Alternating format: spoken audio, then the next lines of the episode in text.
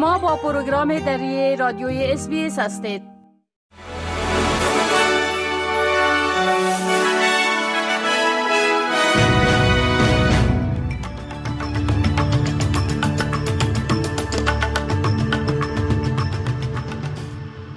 سلام من فضیلت تصمیم هستم و شما را دعوت می کنم به شنیدن مهمترین رویدادهای روز. جستجو برای پیدا کردن خانم سمنتا مورفی که در جنگلات بلرات در ویکتوریا مفقود گردیده به نهمین روز رسیده است.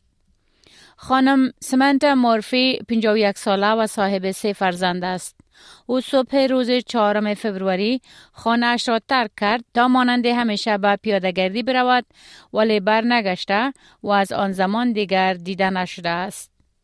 خانم مورفی به طور مرتب مسافت های طولانی را در مناطق دورافتاده طی می کرد. پلیس گفته است که هیچ عامل غیر منتظره در این ناپدید شدن آشکار نیست اما نگرانی های عمده برای سلامتی خانم مورفی وجود دارد. خانم کاترین کینگ نماینده ناحیه بلرد در پارلمان استرالیا می گوید جامعه محلی متوجه شدند که جستجوی خانم مورفی چقدر مشکل گردیده است.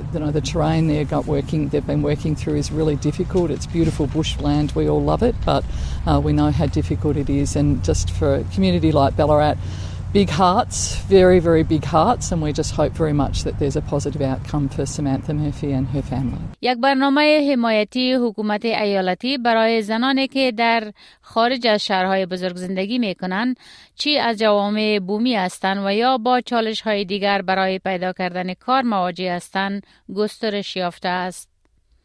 دور جدیدی از کمک های مالی حکومت تحت برنامه مسیرهای بازگشت به کار از جانب حکومت ایالتی نیو ساوت ولز در دسترس قرار گرفته است و قرار است تا دو میلیون دلار برای حمایت از زنان برای آموزش در ایجاد شغل فراهم کند. صدر استرالیا آقای انتونی البنیزی و رهبر اپوزیشن پیتر داتون هر دو به علت آوردن تغییرات برای معافیت های مالیاتی در املاک سرمایه گذاری تحت فشار هستند. به نظر می رسد اصلاحات مالیاتی یکی از تازه ترین موضوعات مورد بحث در پارلمان استرالیا باشد که قرار است امروز آغاز شود.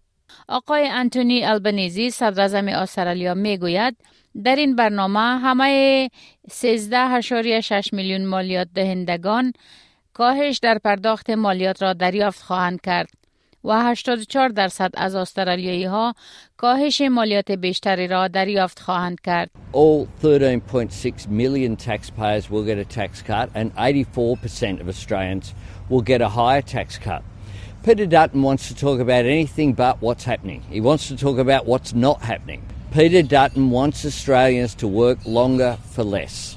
What Peter Dutton wants is lower wages, more taxes on low and middle income Australians, and to continue to wind back any reforms that are made in the interests of working people. حکومت مصر هشدار داده است که اگر نیروهای اسرائیلی وارد شهر سرحدی پرجمعیت الرفه در غزه شوند ممکن است پیمان صلح خود با اسرائیل را به حالت تعلیق درآورد این تهدید پس از آن مطرح شد که بنیامین نتانیاهو صدر اسرائیل اعزام نیروهای نظامی به رفع را برای پیروزی در جنگ چهار ماهه علیه حماس ضروری دانست. Well, Rafah is a, is a very small percentage of uh, Gaza, and I think it's about 10% or 15%. I mean, the estimates... Enough area north of Gaza that has already been cleared. No, well, the, the areas that we've cleared north of Rafah plenty of areas there, but uh, we are working out a detailed plan to do so. بیش از نیمی از جمعیت 2.3 میلیونی غزه به رفح پناه بردن و در اردوگاه های خیمه های گسترده و پناهگاه های سازمان ملل متحد در نزدیکی آن سرحد جمع شدند و اما جو بایدن رئیس جمهور امریکا برای اولین بار حمله اسرائیل به رفح را بیش از حد توصیف کرد. با گفته کاخ سفید رئیس جمهور امریکا تاکید کرده است که اسرائیل نباید بدون اطمینان از امنیت حدود 1.5 میلیون نفر از ساکنان بر رفح جنوبی ترین شهر غزه حمله کند. آقای بایدن همچنین خواستار اقدامات فوری و مشخص برای افزایش فعالیت های امدادرسانی به غزه شده است. نهادهای امدادرسانی هشدار دادند که حمله بر رفح یک به یک فاجعه انسانی منجر خواهد شد.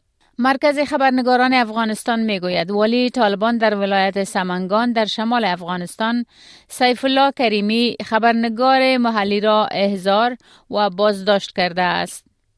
در گزارشی از قول بی بی سی در این مورد آمده است که این مرکز روز یکشنبه 22 مدل در بیانیه خواستار رهایی این خبرنگار شد. مرکز خبرنگاران افغانستان می‌گوید آقای کریمی صبح روز شنبه به دفتر ولی طالبان در سمنگان اعزار شد و از آن زمان تا کنون از او خبری نیست.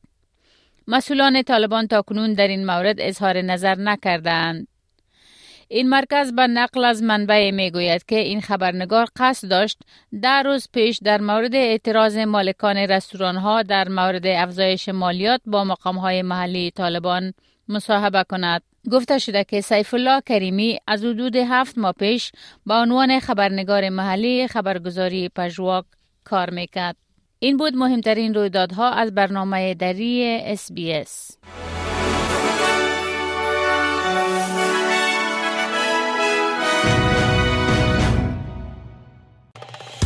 بپسندید شریک سازید و نظر دهید. اسپیس دری را در فیسبوک تعقیب کنید.